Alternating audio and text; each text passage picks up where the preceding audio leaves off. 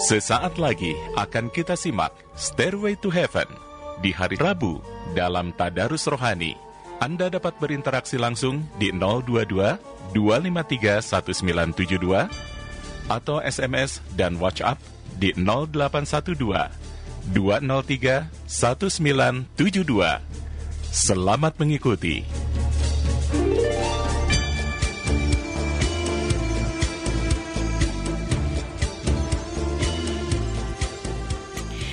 Bismillahirrahmanirrahim. Assalamualaikum warahmatullahi wabarakatuh.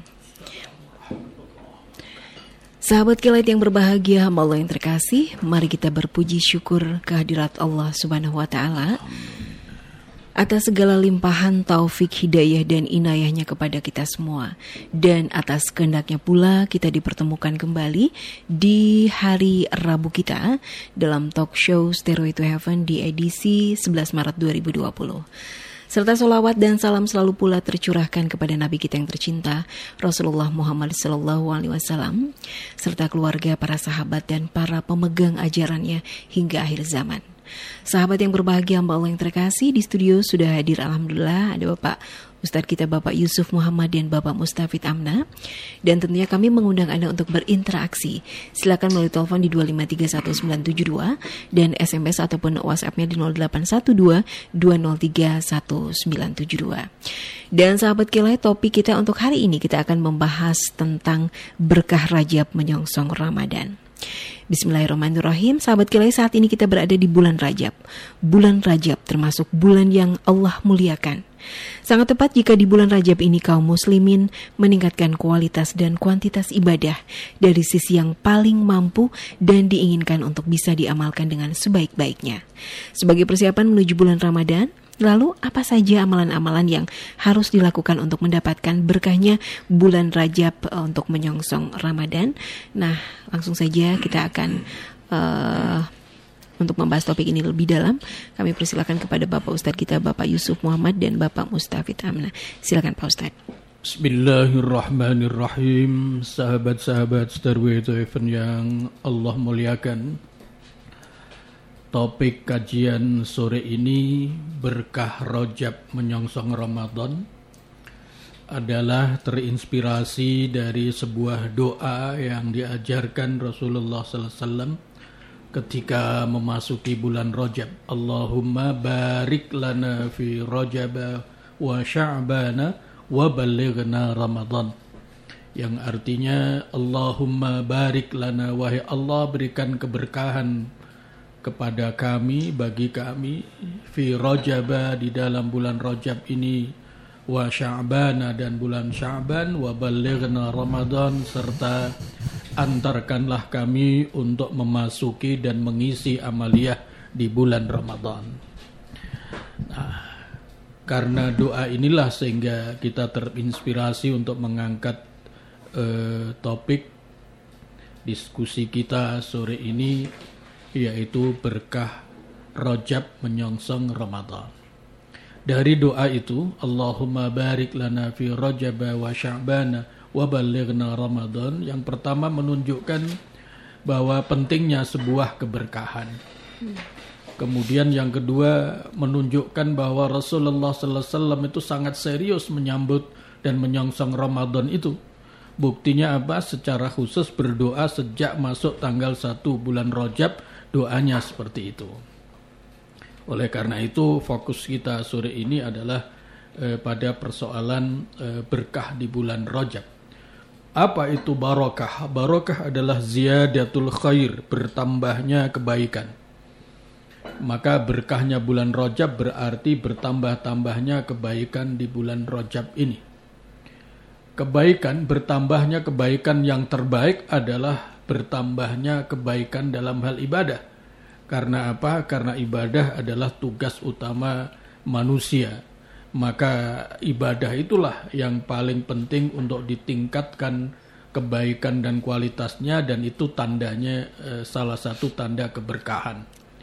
Berkah umur. Nah, kalau semakin berumur makin tambah baik itu namanya umurnya berkah berkah ilmu, semakin berilmu, semakin produktif amal soleh dan kebaikannya, itu pertanda ilmunya barokah. Nah, dalam rangka meningkatkan, ya, dalam rangka meningkatkan eh, kualitas ibadah sehingga kita memperoleh keberkahan ini, sahabat-sahabat bisa menerapkan strategi 5M ya. Ini untuk memudahkan saja. Strategi 5M ya, strategi 5M untuk memudahkan mengingat dalam rangka strategi meningkatkan kualitas ibadah sehingga memperoleh keberkahan. M yang pertama adalah muahadah. Dari kata ahdun artinya janji dan komitmen. Ada telepon? Boleh. Ah, baik sebentar. Ini ada hamba Allah nih Pak Ustadz. Halo, ya. Assalamualaikum. Waalaikumsalam. Silakan Pak. Pak Yusuf. Iya. Semoga pada sehat semua. Amin, amin, ya alhamdulillah. Amin, amin, ya Allah bertanya, walaupun bukan Jumat yang dipastikan Jumat kapan, Jumat kapan, tapi ada yang bicara kata kiamat itu terjadi pada hari Jumat. Iya. Apa itu ditunjang oleh argumen yang kuat atau bagaimana? Iya. Satu. Yang kedua, di surat Yunus ayat 19 saya berbicara menemukan sebuah uh, lafaz Allah. Allah berfirman, mau itu sudah walau sya'a rabbuka la amanna man bil ardi kulluhum jami'an. Yang saya garis bawahi itu walau sya'a Allah. Terima kasih Pak Yusuf. Baik. Waalaikumsalam warahmatullahi Kita catat dulu ya pertanyaan eh, Pak Abdullah. Yang pertama adalah ada penjelasan, ada keterangan bahwa kiamat itu datang hari Jumat. Nah, apakah keterangan ini mempunyai referen dan argumen yang kuat? Itu yang pertama. Nanti kita jawab Pak Abdullah ya. Kemudian yang kedua walau syaa rabbuka la man fil ardi kulluhum jami'ah. Itu di garis bawahi adalah walau syaa. Itu tadi di surat Yunus ada berapa tadi? Di surat Yunus ya, ya baik. Nanti kita jawab Pak Abdullah. Eh, saya teruskan dulu yang kiat ya kiat untuk atau strategi untuk meningkatkan spirit dan kualitas ibadah. Yang pertama eh, M yang pertama ada 5 M supaya ini mudah mengingat. Yang pertama adalah muahadah. Muahadah itu artinya membangun komitmen diri. Kalau kita ingin meningkatkan kualitas ibadah kita, kualitas kerja kita, kualitas amal kita, maka yang pertama-tama yang penting kita lakukan adalah membangun komitmen diri Misalnya saja, mulai bulan Rojab ini karena diisyaratkan bertambahnya keberkahan dalam hal ibadah, maka misalnya sebelum ini belum kita lakukan, maka mulai bulan Rojab ini kita bikin komitmen. Mulai bulan Rojab ini saya akan sholat sehari semalam minimal 40 rakaat. Misalnya begitu. Kenapa 40 rakaat? Ya, 40 rakaat itu sholat yang selalu dilakukan oleh Rasulullah SAW 17 rakaat wajib, 12 rakaat eh, rawatib, 8 eh, eh, tahajud dan tiganya adalah witir. Totalnya adalah 40 rakaat. Nah, mulai dibangun membuat janji dalam diri, membuat komitmen pribadi.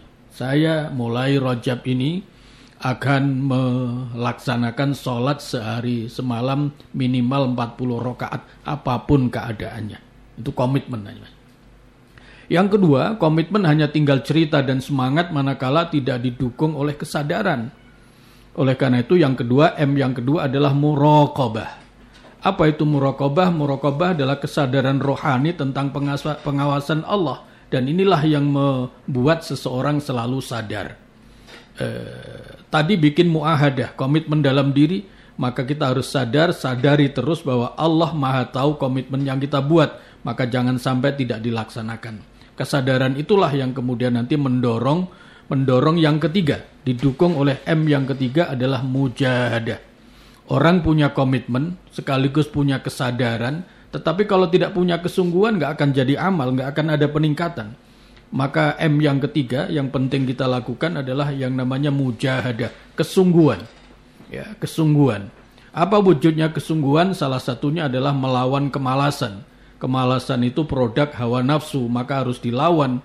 E, sampai-sampai Rasul menyatakan pejuang sejati itu adalah orang yang melawan hawa nafsunya agar mau taat kepada Allah. Al-mujahidu manjahada nafsahu fi ta'atillah.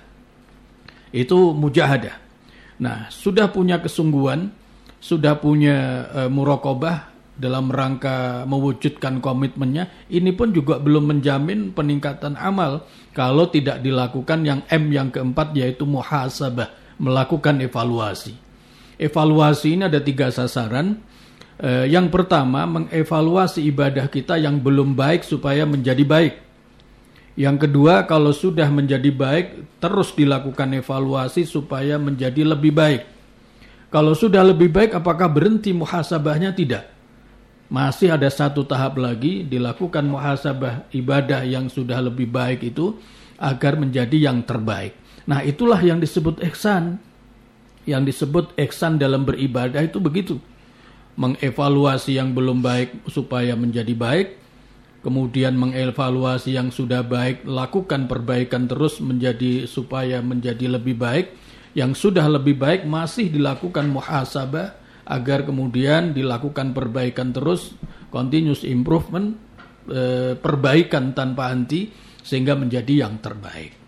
Nah, kalau yang sudah keempat ini muhasabah dilakukan, sangat boleh jadi ada komitmen-komitmen yang tidak dilaksanakan berarti ada pelanggaran. Oleh karena itu terapkan M yang kelima dalam diri kita yang namanya mu'aqobah. Kalau kita sudah menjadi sudah membuat janji dalam diri untuk melakukan ibadah, tiba-tiba kita melanggar komitmen itu, apa pun alasannya, maka harus berani melakukan mu'aqobah, menghukum diri yang tidak e, memegang komitmen dalam beribadah. Nah, barang siapa yang bisa menerapkan 5M ini terhadap dirinya, maka hampir pasti kualitas ibadahnya akan bertambah dan itulah yang disebut barokah. Karena barokah definisinya adalah ziyadatul khair, bertambah-tambahnya kebaikan. Kebaikan yang paling penting untuk terus ditambah adalah kebaikan ibadah, karena ibadah itu adalah tugas utama kehidupan manusia. Demikian sahabat. Terima kasih. Silakan Pak Mustafid Amna. Bismillahirrahmanirrahim, sahabat-sahabat kilait yang berbahagia. Rabu ini 11 Rajab. Rajab berarti tinggal 18 atau 19 hari lagi.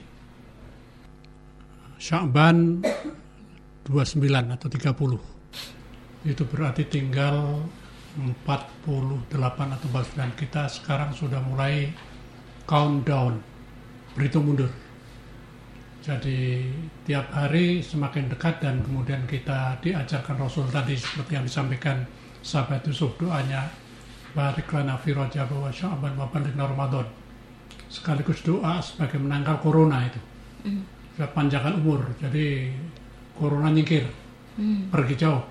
Setidak-tidaknya sampai dengan bulan Ramadan. Insya Allah dengan semangat tadi berarti sudah dapat nilai. Ya artinya bahwa tekad kita kalau sahabat Yusuf menyebutkan sebagai yang pertama adalah komitmen mm. tekad untuk kita menghadapi bulan Ramadan al-Mubarak yang tinggal hitungan uh, ya 49 hari.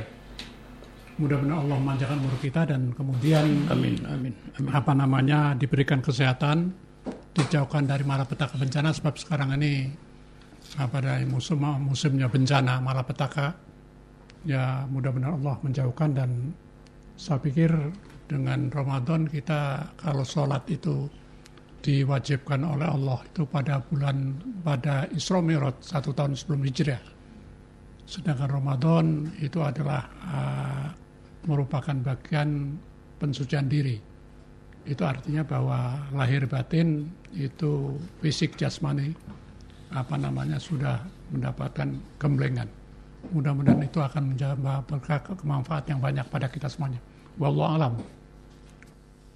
Baik, terima kasih Pak Mustafid Amna. Ya sahabat kilai silakan untuk Anda yang ingin bergabung bersama kami Langsung saja Anda bisa telepon ke 2531972 Ataupun lewat SMS dan WhatsAppnya di 0812-203-1972 Baik, uh, Pak Ustadz ini sudah ada yang masuk ya? Iya, tadi saya jawab dulu ya. Oh iya, silakan. Oh, jawab dulu pertanyaan Pak Abdullah. Abdullah. Yang pertama soal uh, kiamat datang hari Jumat. Itu memang di, dinyatakan oleh Rasulullah Shallallahu Alaihi Wasallam. eh, salah satu keistimewaan hari Jumat itu adalah adalah bahwa hari Jumat itu diciptakannya Adam ya diciptakannya Adam kemudian eh, Adam turun dari surga juga terjadi di hari Jumat kemudian salah satunya kiamat itu juga akan terjadi pada hari Jumat hmm. makanya kalau sudah mulai hari Rabu begini ini eh, kita mikir-mikir jangan-jangan Jumat yang akan datang ini hmm. ya, karena apa karena Al-Quran itu sejak 14 abad yang lalu sudah menyebut bahwa kiamat itu sudah dekat. Ya. La'alla sa'ata qarib ya, bahwa bahwa kiamat itu sudah dekat.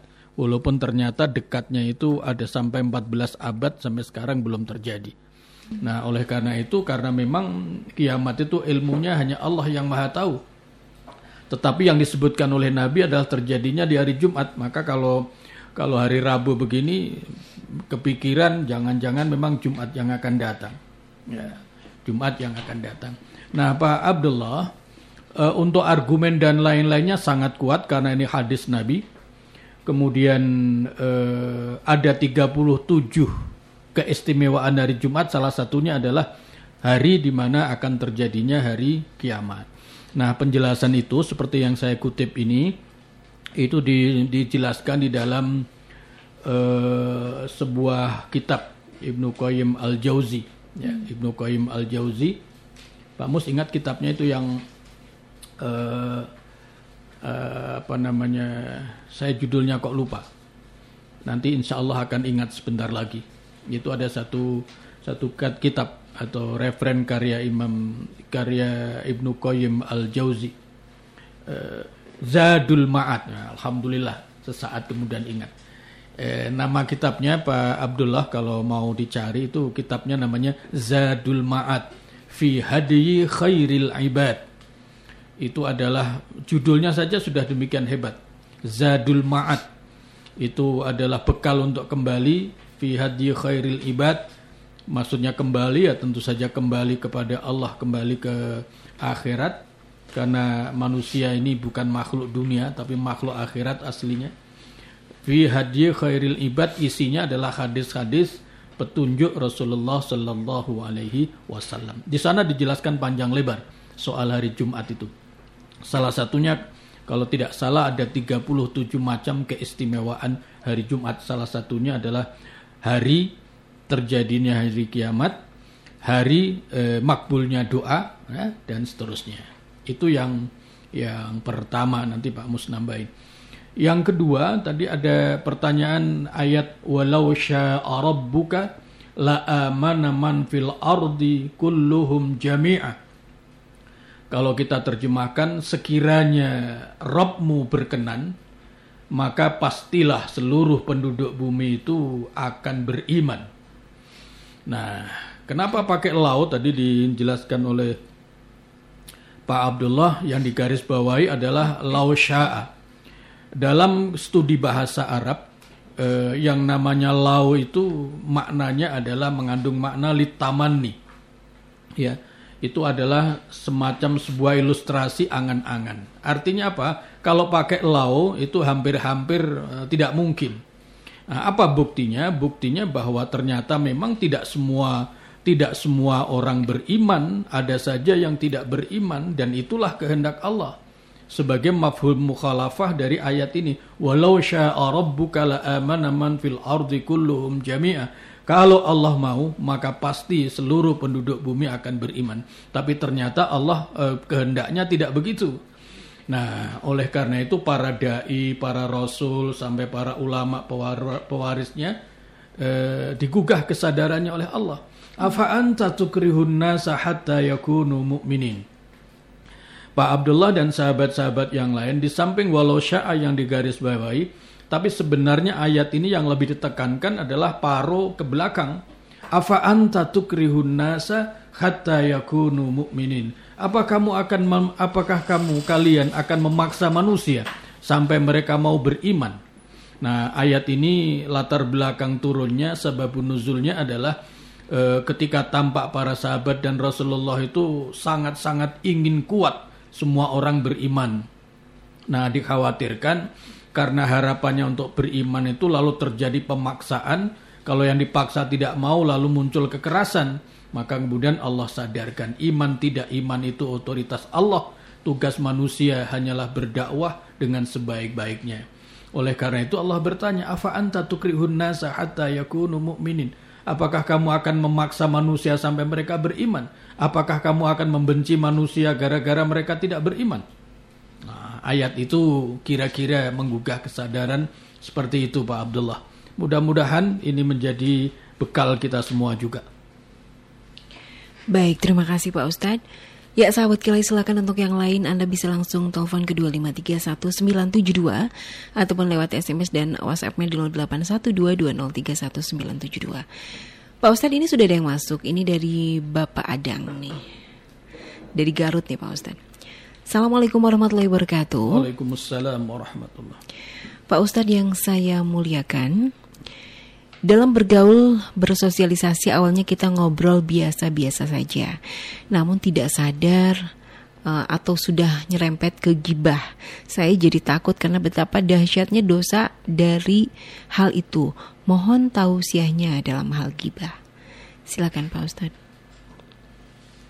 Uh, sahabat Adang, bahwa gibah itu kan membicarakan orang di belakang apa namanya di belakang orangnya. Nah, itu merupakan satu sikap yang bukan tindakan yang berbuat ihsan. Kalau saya atau kita atau Pak Adang dibicarakan orang lain, apalagi membicarakannya yang jelek-jeleknya, kan mesti kan kalau dengar wajahnya merah, tidak suka. Karena itu gibah merupakan hal yang oleh ajaran agama untuk dijauhi diharamkan bahkan. Itu karena itulah memang apa namanya hibah ini memang kaitannya dengan dengan emosi nafsu. Maunya itu kalau tidak ngomongin orang mulutnya gatal. Ya jadi karena itu pentingnya barangkali kita bisa menjaga termasuk menjaga aib orang lain ya itu termasuk perbuatan ihsan yang perlu apa namanya ditanamkan dalam kehidupan kita Begitu Pak Adan. Ya, terima kasih Pak Ustadz. Sekarang ada yang masuk kembali. Ada tambahan Oh, ya? ada tambahan. Silakan. Untuk, untuk Pak Adang tadi itu, mm -hmm. uh, Pak Adang kalau sempat uh, coba buka-buka kembali, buka-buka kembali Ihya Ulumuddin karya Imam Ghazali itu yang yang sangat masyhur itu. Hmm. Nah di sana ada bab ghibah, dibahasnya secara lengkap. Nah salah satunya hmm. adalah mengapa orang cenderung ghibah? Nah, jadi hal-hal yang bisa mendorong seseorang untuk ghibah. Nah, salah satunya adalah rasa iri. Ya. Kalau ada teman, kenalan, memperoleh promosi, memperoleh hal yang istimewa, lalu orang teman yang lain merasa iri, maka kemudian jadi omongan, aja terjadilah ghibah. Itu salah satunya. Di sana kalau sembilan tuh sebab-sebab kenapa orang itu cenderung untuk ghibah. Salah satunya adalah karena iri, e, karena hasut e, dan lain sebagainya. Nah, di sana juga sekaligus dijelaskan bagaimana caranya untuk mengeliminasi, untuk meminimais kecenderungan-kecenderungan ghibah itu.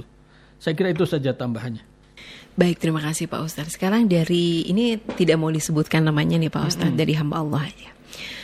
Um, Assalamualaikum warahmatullahi wabarakatuh. Assalamualaikum warahmatullahi. Pak Ustadz, saya ini adalah uh, single parent. Mm-mm. Dan saya ini terjebak cinta dengan laki-laki yang sudah mempunyai istri. Mm-mm. Awalnya hubungan kami berjalan biasa, lama-lama kami terjadi konflik yang berkepanjangan. Intinya saya tidak mau melepaskan dia. Saya tidak tahu kenapa, apakah ini cinta buta atau apa dan bagaimana nih Pak Ustadz, mohon pencerahannya. Sahabat Fulana, ini perempuan ya berarti? Iya. Uh, tindakan apa namanya memang nafsu kalau diperturutkan itu akan melahirkan banyak banyak hal termasuk berarti uh, kalau sahabat fulana sebagai wanita yang single parent tentu ini sudah punya anak ya hmm. kemudian ada laki-laki yang punya istri hmm. kemudian apa naksir ingin mengadakan pendekatan itu barangkali hawa nafsu yang yang yang yang muncul. Sekarang harus berpikir balik. Kalau ibu sebagai apa namanya suaminya, kemudian ada perempuan lain yang naksir, apalagi bersambut, kira-kira ibu happy atau tidak? Jadi harus kembali mengukur diri, mawas diri, Nah, jangan kemudian hanya sekedar memperturutkan kata hati. Nah, toh laki-laki yang tidak punya suami, Tidak punya istri. istri, itu masih banyak. Mhm. Mengapa harus begitu kan? Mengapa harus terjadi, terjadi seperti itu? Jadi itu adalah mau- menurutkan kata hati. Jadi ini yang yang perlunya dijauhi jadi apa nafsu. Ah, logika harus dipasang, apalagi perempuan itu biasanya kan mainnya perasaan. Ah, emosi lebih banyak bicara. Nah itu mestinya ibu harus mengukur diri. Kalau saya sebagai sua istri dari suami yang dicintai wanita lain, kira-kira senang atau tidak? Nah itu barangkali uh, muhasabah, mengukur diri saja pada diri kita. Begitu ibu. Ya, terima kasih Pak Ustadz. Baik, sekarang eh, saya ke pertanyaan lain Pak Ustadz. Ini dari eh, Bapak Evan nih, sahabat Evan. Assalamualaikum warahmatullahi wabarakatuh. Assalamualaikum warahmatullahi Pak Ustadz, apa hukumnya melaksanakan acara rajaban? Apa ada sunahnya? Nah, pertanyaan kedua, apa benar ketika bulan Rajab, ketika kita berbuat maksiat maka akan dilipat gandakan? Silakan Pak Ustadz. Yang pertama mengadakan apa tadi? Rajaban, Peringatan Rajaban. peringatan rajaban. Nah, Apa ada sunahnya gitu Pak? eh, kalau sunnah dalam pengertian praktek seremonialnya tidak ada. Tapi tidak ada praktek seremonialnya bukan berarti tidak boleh. Berat, karena apa? Karena tidak ada larangannya. Jadi dalam beragama itu kalau tidak ada larangan belum tentu kalau tidak ada sunnah belum tentu tidak boleh. Harus dilihat dulu sunnah memang tidak ada tapi ada larangan apa tidak? Kalau tidak ada larangan berarti pada prinsipnya boleh. Nah, itulah kaidah fikih. Al aslu fil asya'i al ibahah. Segala sesuatu itu pada dasarnya boleh-boleh saja. Nah, nanti dah baru dilihat kapan mulai terlarang kalau ada larangan. Larangan akan melahirkan dua hukum. Mungkin haram, ringannya adalah makruh. Tetapi mungkin eh, kalau tidak begitu ada perintah. Nah, agama itu intinya perintah dan larangan. Kalau perintah berarti keluarnya juga dua hukum. Mungkin wajib, ringannya adalah sunnah. Nah, sekarang kita lihat peringatan Rojaban, Isra Mi'raj dan lain-lain. Nah, ini memang tidak ada sunnahnya. Tapi apakah ada dalilnya? Ada.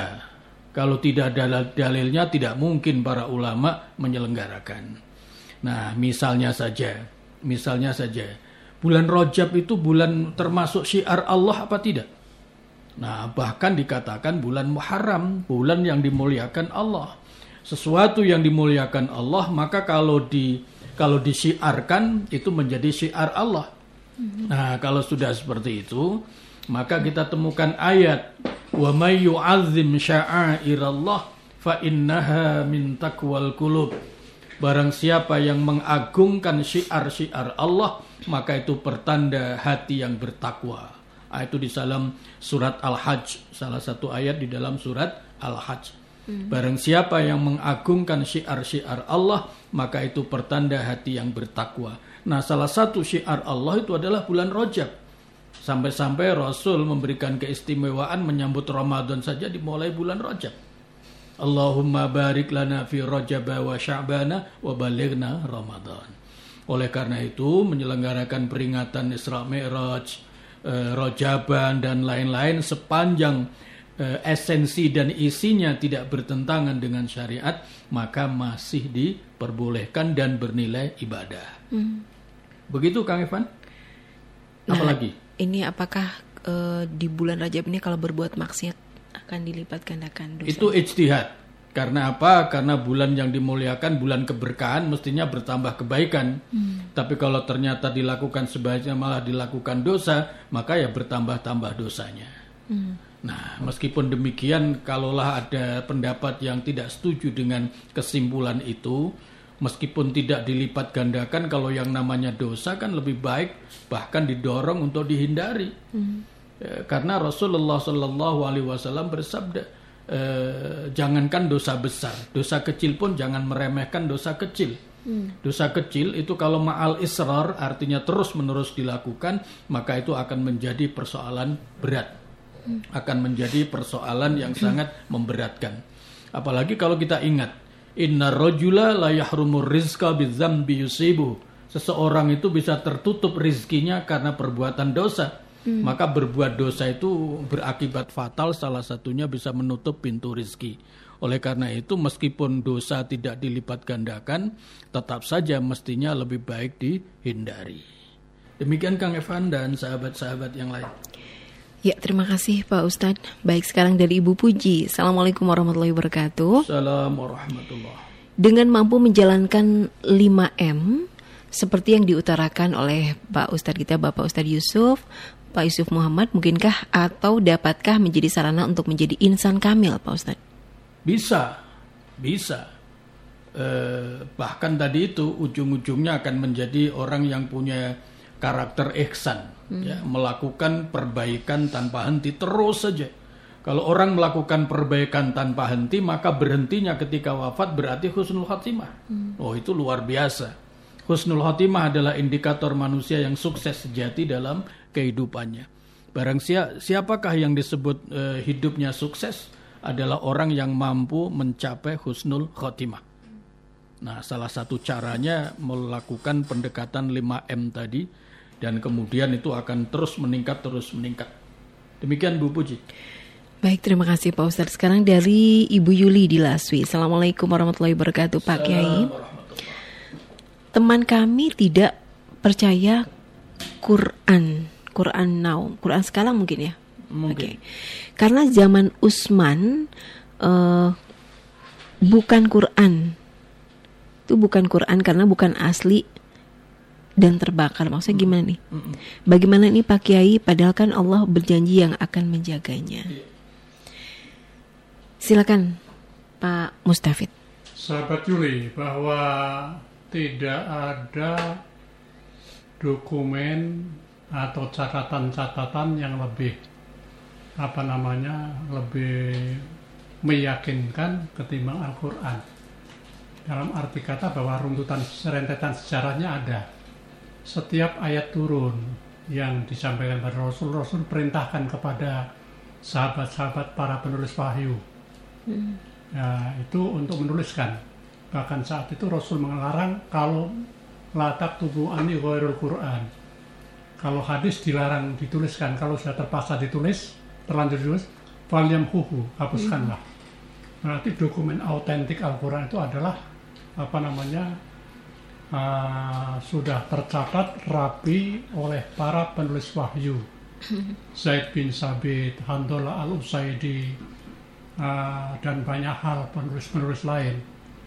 Karena itu apa namanya keautentikannya itu bisa dijamin. Nah kemudian bagaimana tidak bisa percaya? Ini justru logikanya apa namanya perlu dipertanyakan. Mengapa tidak percaya sahabat sahabat Juli kepada Al-Quran yang jelas? Nah itu itu seperti itu. Jadi karena itulah Al-Quran sebagai dokumen apa namanya firman Allah yang yang diakui oleh banyak orang itu autentik. Apa nama seperti itu. Begitu sahabat Juli. Iya uh, itu sudah bisa dipastikan bacaannya minim. Kalau sampai ada orang mengambil kesimpulan dulu memang ada catatan sejarah Quran itu terbakar. Sementara Quran yang sampai ke kita adalah Quran yang di kodifikasi eh, pada saat sahabat Utsman bin Affan sehingga disimpulkan itu eh, tidak otentik. Ini pasti kesimpulan orang yang bacaannya sangat-sangat-sangat minim terhadap sejarah penulisan Al-Quran. Mm. Kalau bacaannya lengkap, itu tidak mungkin berpendapat begitu. Karena apa? Karena keautentikan Al-Quran itu tidak terletak kepada tulisannya, mm. tetapi terletak kepada hafalan para sahabat. Mm. Karena masih banyak eh, sahabat-sahabat yang hafal Quran itu, maka walaupun Quran itu pernah terbakar naskahnya yang yang pertama, maka kemudian dilakukan penulisan ulang, dilakukan unifikasi dan itu adalah dicek dari sekian banyak sahabat yang hafal Quran. Hmm. Nah, banyaknya manusia, banyaknya sahabat umat Islam yang hafal Quran itulah salah satu cara Allah menjaga kitab sucinya. Inna nahnu nazzalna dzikra wa inna lahu lahafizun. Saya yang menurunkan Al-Quran dan saya yang menjamin terjaganya Al-Quran itu sendiri. Nah, salah satu cara Allah menjamin keautentikan Al-Quran adalah Allah menakdirkan Quran itu mukjizat dan gampang dihafal. Sehingga Quran tidak bisa dipalsukan oleh siapa pun. Siapa yang memalsukan Al-Quran pasti ketahuan karena banyak umat Islam yang hafal Quran. Itulah salah satu mukjizat Al-Quran. Demikian sahabat. Jadi sahabat Yuli tidak perlu risau. Nah, adapun sekarang orang bacaannya minim, lalu kemudian gampang berpendapat, berkomentar, lalu ujung-ujungnya tidak percaya, itu biasa. Hmm. Jangankan sekarang, orang yang pada zaman Nabi yang dekat dengan Nabi saja nggak percaya dengan Quran juga biasa saja. Hmm. Karena memang itulah eh, pelajaran-pelajaran uh, yang perlu kita uh, tangkap, yang hmm. perlu kita pahami. Demikian. Baik, terima kasih Pak Ustadz. Sekarang dari Pak Abun, Pak Ustadz ini di Cianjur. Ya. Assalamualaikum warahmatullahi wabarakatuh. Assalamualaikum warahmatullahi Pak Ustadz mau bertanya, kalau sehabis sholat maghrib kan zikir bersama, hmm. tapi kalau zikir sendiri boleh tidak Pak Ustadz? Mohon dijelaskan. Uh, boleh saja. Biasanya imam yang mengajarkan dan zikir keras itu dalam rangka memberikan taklim pada jamaahnya. Mm. Ya, yang penting adalah bahwa setelah sholat itu zikir, mm. apakah individual atau jamaah. Jadi kalau imamnya yakin bahwa jamaah itu sudah ngerti, ya mestinya itu tidak perlu keras-keras. Tapi biasanya karena imamnya ngerti juga bahwa makmumnya adalah orang yang tidak ngerti, maka dikir kemudian dikeraskan. Hmm. Adapun boleh dan tidaknya memang boleh-boleh saja dikir. Yang penting adalah mengisi setelah sholat lima waktu khususnya itu dikir pada Allah itu bisa dilakukan sambil duduk sambil jalan kalau orang yang tergesa-gesa silakan. Hmm. Jadi tidak ada larangan. Hmm. Bahkan diperintahkan untuk dikir. Silakan caranya bagaimana Nah, bergantung dari dari motivasi sang imam atau motivasi kita masing-masing. Begitu sahabat Abun. Ada dua catatan untuk Kang Abun kalau mau wirid sendiri. Apakah habis maghrib atau habis sholat-sholat yang lain? Apa yang sampaikan Pak Mo sudah benar. Boleh-boleh saja. Mau zikir berjamaah atau mau sendiri. Yang penting jangan ikut aliran tidak zikir. Hmm. Nah, yang penting itu. Hanya catatannya kalau zikir sendiri harus dijaga dua hal. Yang pertama, perhatikan ada ungkapan al-jama'atu kuwatun. Berjamaah itu jauh lebih kuat. Maka doa bersama itu bisa jadi lebih memiliki kekuatan makbul di hadapan Allah Subhanahu wa taala. Hmm. Karena kalau kita doa sendiri tidak makbul, mungkin uh, doa teman yang lain bersama jamaah itu ada yang makbul kita mendapat itu. Hmm. Apalagi kalau imamnya doanya makbul. Itu luar biasa. Hmm. Jadi keuntungan uh, zikir wirid berjamaah itu adalah bisa memiliki kekuatan tersendiri. Hmm. Kemudian yang kedua, kalau mau zikir sendiri nggak dilarang. Yang dilarang adalah jangan sampai tidak menjaga etika. Hmm. Dia zikir sendiri tapi suaranya lebih keras dari yang berjamaah. Nah, ini mengganggu. Sama dengan pernah terjadi baru-baru ini ada ada uh, sedang ceramah habis zuhur tiba-tiba di tengah ceramah itu ada seorang jamaah yang baca Qurannya nyaring hmm. baca Quran sendiri mungkin sudah punya wiridan setelah uh, setiap habis sholat mungkin baca Quran satu juz nah saya tanya kepada pengurusnya itu kenapa kok ada yang baca Quran di tengahnya ceramah itu kan mengganggu Itu biasa itu Pak, suka begitu. Pernah diingatkan apa tidak? Sepertinya nggak ada yang berani, karena nanti dia akan membantah bahwa ini juga baik membaca Quran. Oh baik, kalau gitu saya ingatkan. Hmm. Nah setelah selesai itu saya parani memang. Saya paranin bahwa Anda kalau kebaikan itu perlu menggunakan etika. Hmm. Anda baca Quran sendiri tidak dilarang. Tapi saat ini adalah saatnya berjamaah sedang taklim. Hmm. Membaca, uh, mempelajari ilmu itu wajib hukumnya dan lebih tinggi nilainya dibandingkan sholat sunnah 100 rakaat. Oleh karena itu, membaca Qur'annya boleh-boleh saja, tapi Anda jangan keras-keras. Melebihi suara penceramah sampai yang lain pun juga terganggu. Gimana kira-kira? Oh baik Pak, baik terima kasih, Alhamdulillah. Hmm. Nah, beberapa saat kemudian saya cek kepada pengurusnya itu orang yang pernah kita ingatkan kemarin itu mengulangi lagi nggak membaca Quran saat ada ceramah? Alhamdulillah tidak pak ya syukur. Hmm. Nah saya kira saya kira halal begitu. Jadi kebaikan itu e, tidak cukup menjadi baik kalau tidak menjaga etikanya. Hmm. Saya kira begitu Kang Abun. Baik terima kasih Pak Ustadz. Sekarang dari 0838 oh Mbak Winda nih Mbak Winda di, di Maleer. Assalamualaikum warahmatullahi wabarakatuh. Pak Ustadz, uh, benarkah penyakit yang ada di tubuh kita ada hubungannya dengan sesuatu yang salah dengan diri kita? Silakan. Salat Wida, betul. Bahwa proses sebab akibat ada hubungan antara penyakit dan pola makan. Hmm. Kalau orang itu uh, sakitnya sakit apa namanya gula misalnya gula kemudian hmm. banyak makan gula itu berapi jadi berarti ada hubungan antara makan dengan penyakit hmm. orang yang sakitnya sakit rematik apa namanya kemudian dia makan jeruan kemudian hmm. makan kacang-kacangan itu akibatnya begitu karena itu dokter itu biasanya memberi tahu kan tergantung sakit yang sakit perut kemudian makan yang yang asem-asem. Hmm. berapa? Jadi jelas bahwa ada hubungan antara uh, tubuh kita dengan makanan yang dilakukan. Hmm. itu begitu. Begitu sahabat Wida. Ya terima kasih Pak Ustadz.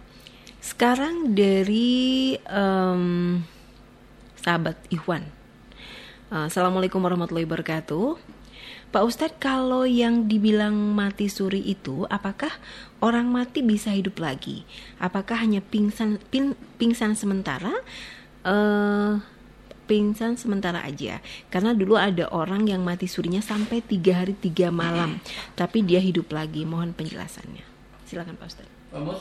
Pak saya kurang punya ilmu soal mati nih.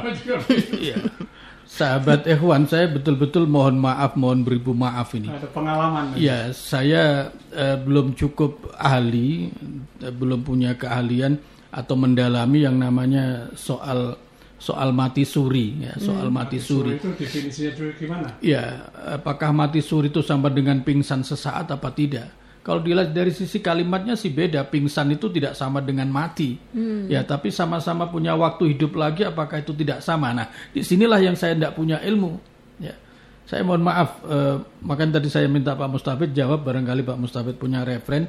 Saya terus terang saja tidak tidak banyak referen. Yang saya ketahui mati suri ya orang yang mati bahkan sudah dimandikan, sudah dikafani, tahu-tahu e, bergerak dan hidup lagi. Hmm. Setelah itu dia bisa cerita apa yang dialami saat mati suri itu dan setelah itu menjadi pelajaran-pelajaran baik. Yang saya ketahui cuma sebatas itu, hmm. e, cetek sekali. Oleh karena itu mungkin tidak bisa sepenuhnya jadikan pegangan e, Kang Ikhwan, sama-sama cari referen lah begitu. Hmm. Nah yang saya ketahui adalah dari referen-referen yang mati beneran itu hmm. ya mati benerannya itu yang yang sangat banyak sering dikupas oleh para ulama salah satunya eh, Imam Ghazali dalam Ihya Ulumuddin itu bicara soal kematian yang kemudian sudah khusus bab mati itu khusus bab mati itu sudah diterjemahkan ke dalam berbagai bahasa hmm. nah salah satunya dalam bahasa Inggris yang kemudian diterjemahkan dengan uh, dengan apa namanya judul yang menarik metode menjemput maut. Hmm. Nah, itu menarik bukunya. Nah, tapi menurut saya masih ada buku yang akan terbit dan ini dan ini lebih menarik. Metode menangkal maut itu lebih itu jauh lebih menarik nanti kalau terbit entah kapan terbitnya itu. Begitu sahabat. Baik, terima kasih Pak Ustadz. Ini ada tambahan Pak Mustafid ini dari uh, Mbak Wida mengenai penyakit uh, yang ada di tubuh hubungannya dengan sesuatu yang salah dengan diri kita itu maksudnya dengan sifat atau akhlak kita nih Pak bisa sifatnya fisik, bisa bisa non fisik. Hmm. Orang yang sedih kemudian dia mer, me, me, me, apa namanya memperturutkan kata kesedihannya, hmm. itu akan itu akhlak kan. Hmm. Jadi dia tidak terima dengan uh, sakit yang ada, akhirnya gondok, akhirnya juga tidak mau terima, tidak bersyukur, tidak mau sabar. Hmm. Jadi berarti bisa berbentuk fisik, ya seperti makanan dan hubungannya dengan pola pola makan dengan kesehatan bisa juga dalam bentuk akhlak. Mm. Orang yang pesimis hidup ketika sakit biasanya orang semacam itu akan akan berumur pendek gitu. Mm. Tapi kalau masih ada selagi yang sakit itu masih punya harapan, mm. berarti akan mendorong keyakinan dirinya untuk bisa hidup lagi untuk sehat usaha.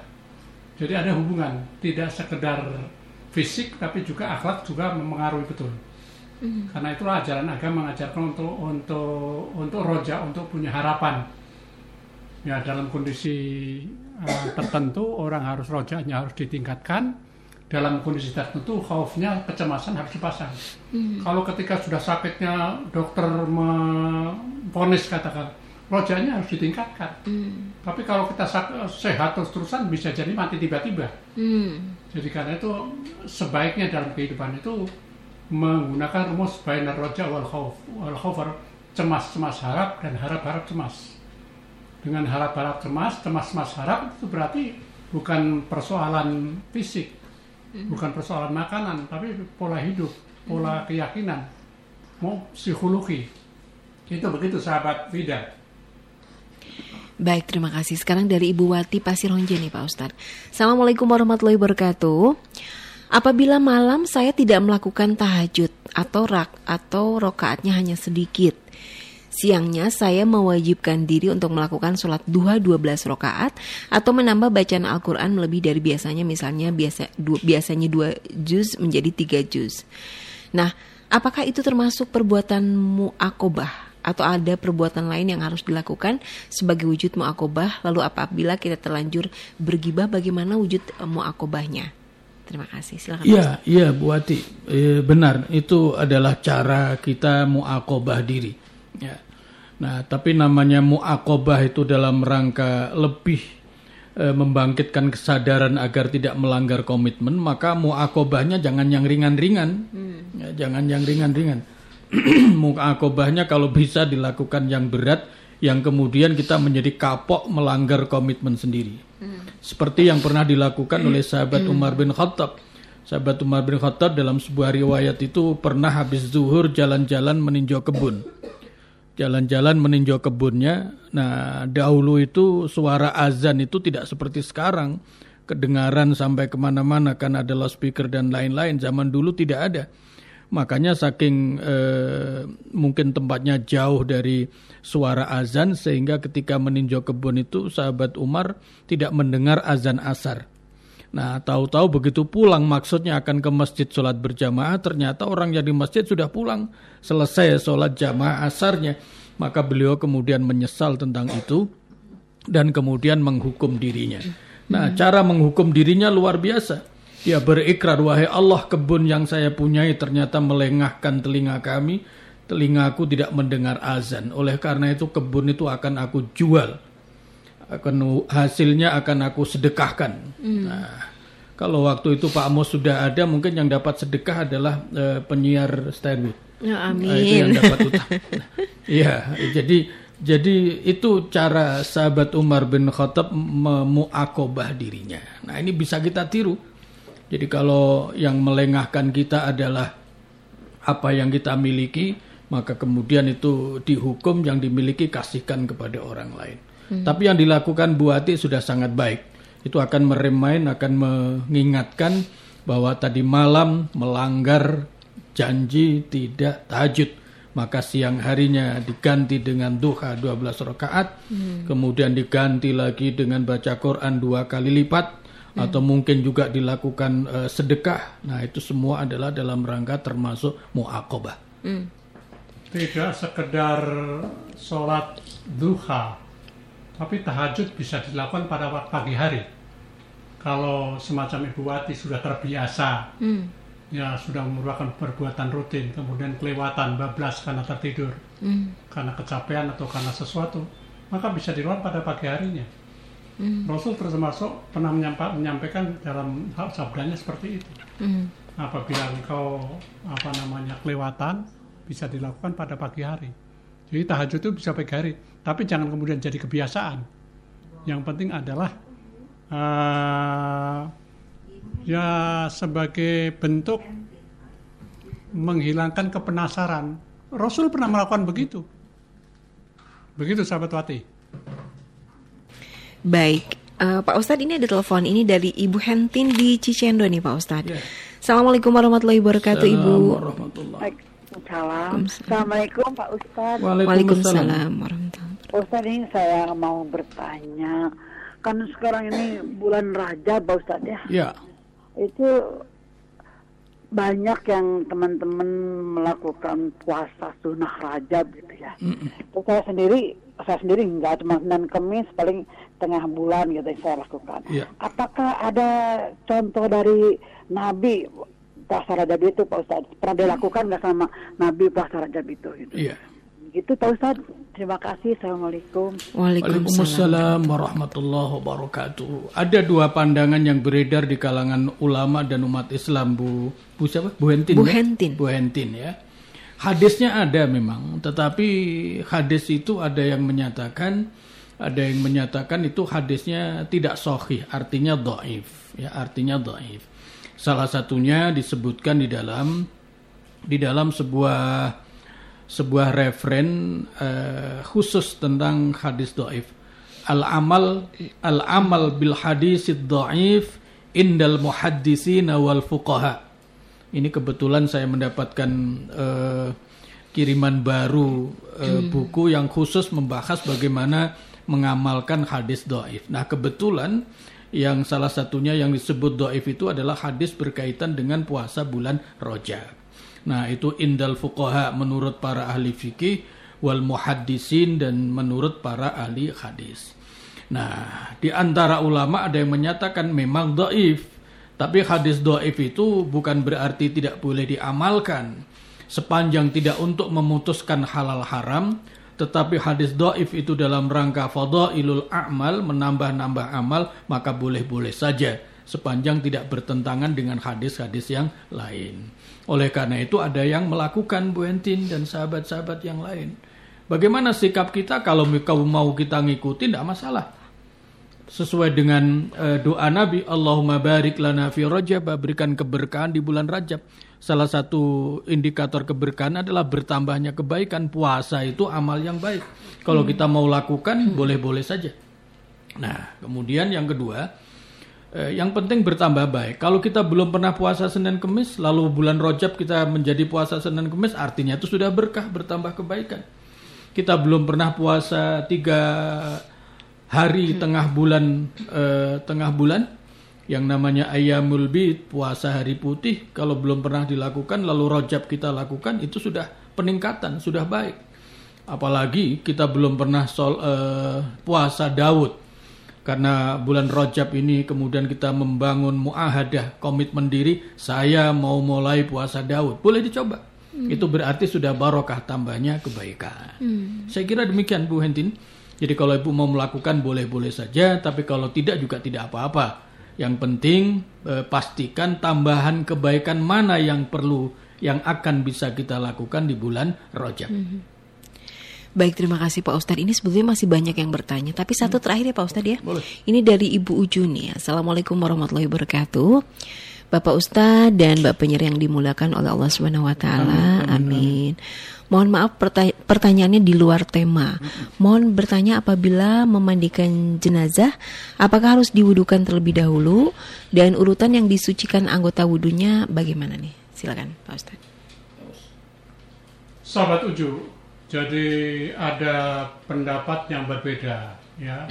Seperti juga ketika kita mandi ya. Itu sunahnya memang wudhu dulu. Ya. Demikian juga analoginya ketika memandikan jenazah juga diwudukan dulu. Tapi itu adalah masalah bagian sunnah aja, bukan bukan merupakan wajib, bukan harus ketentuan. Karena itu termasuk kalau memandikannya wajib. Adapun cara apa mandinya apa diawali dengan wudhu atau tidak wudhu awal itu adalah dengan sunnah. Jadi silakan pilih. Hmm. Begitu sahabat tujuh. Baik, ya terima kasih Pak Ustadz dan uh, sahabat K-Light. Uh, tidak terasa kita sudah berada di penghujung kebersamaan Stairway to Heaven di edisi hari ini, hari Rabu 11 Maret 2020. Hamba Allah yang terkasih sebagai penutup kebersamaan kita, mari kita simak simpul hati dan doa bersama Bapak Ustadz kita, Bapak Yusuf Muhammad. Silakan. Sahabat-sahabat Stairway to Heaven yang Allah muliakan.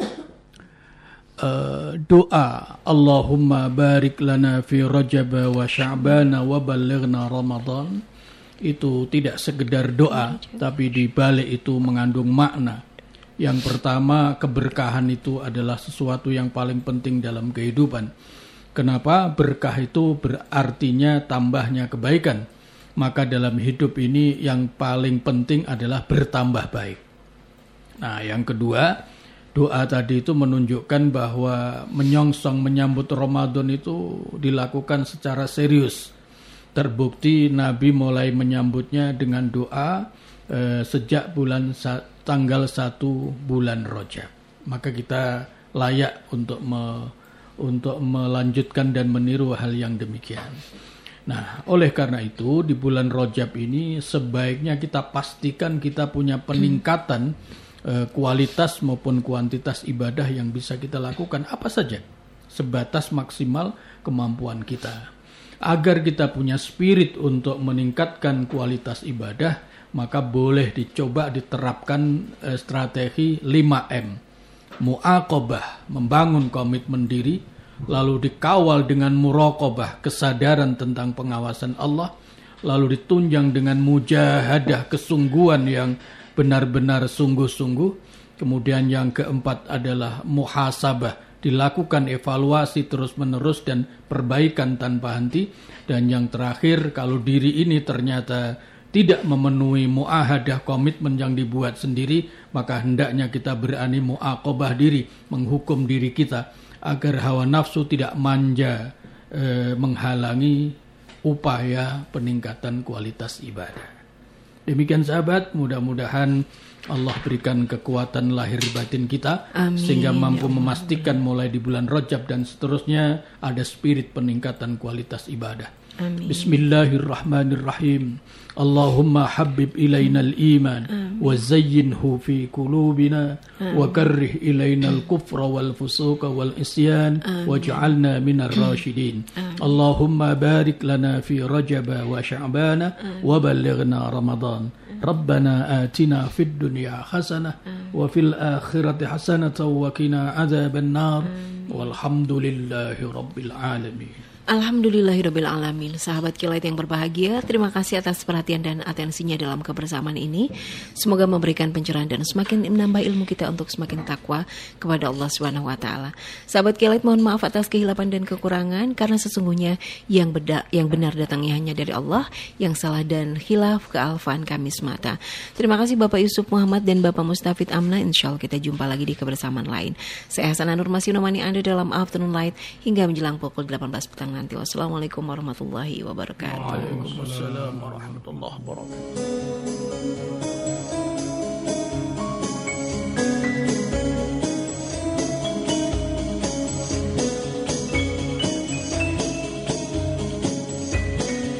Baru saja kita menyimak Tadarus Rohani di Rabu sore kita yang insya Allah akan bermanfaat. Sampai jumpa di Rabu mendatang dari mulai pukul 16.30 hingga 17.30 waktu Indonesia Barat dalam acara Stairway to Heaven. Terima kasih atas perhatiannya. Anda dapat kembali mendengarkan rekaman acara ini di www.1071kelightfm.com.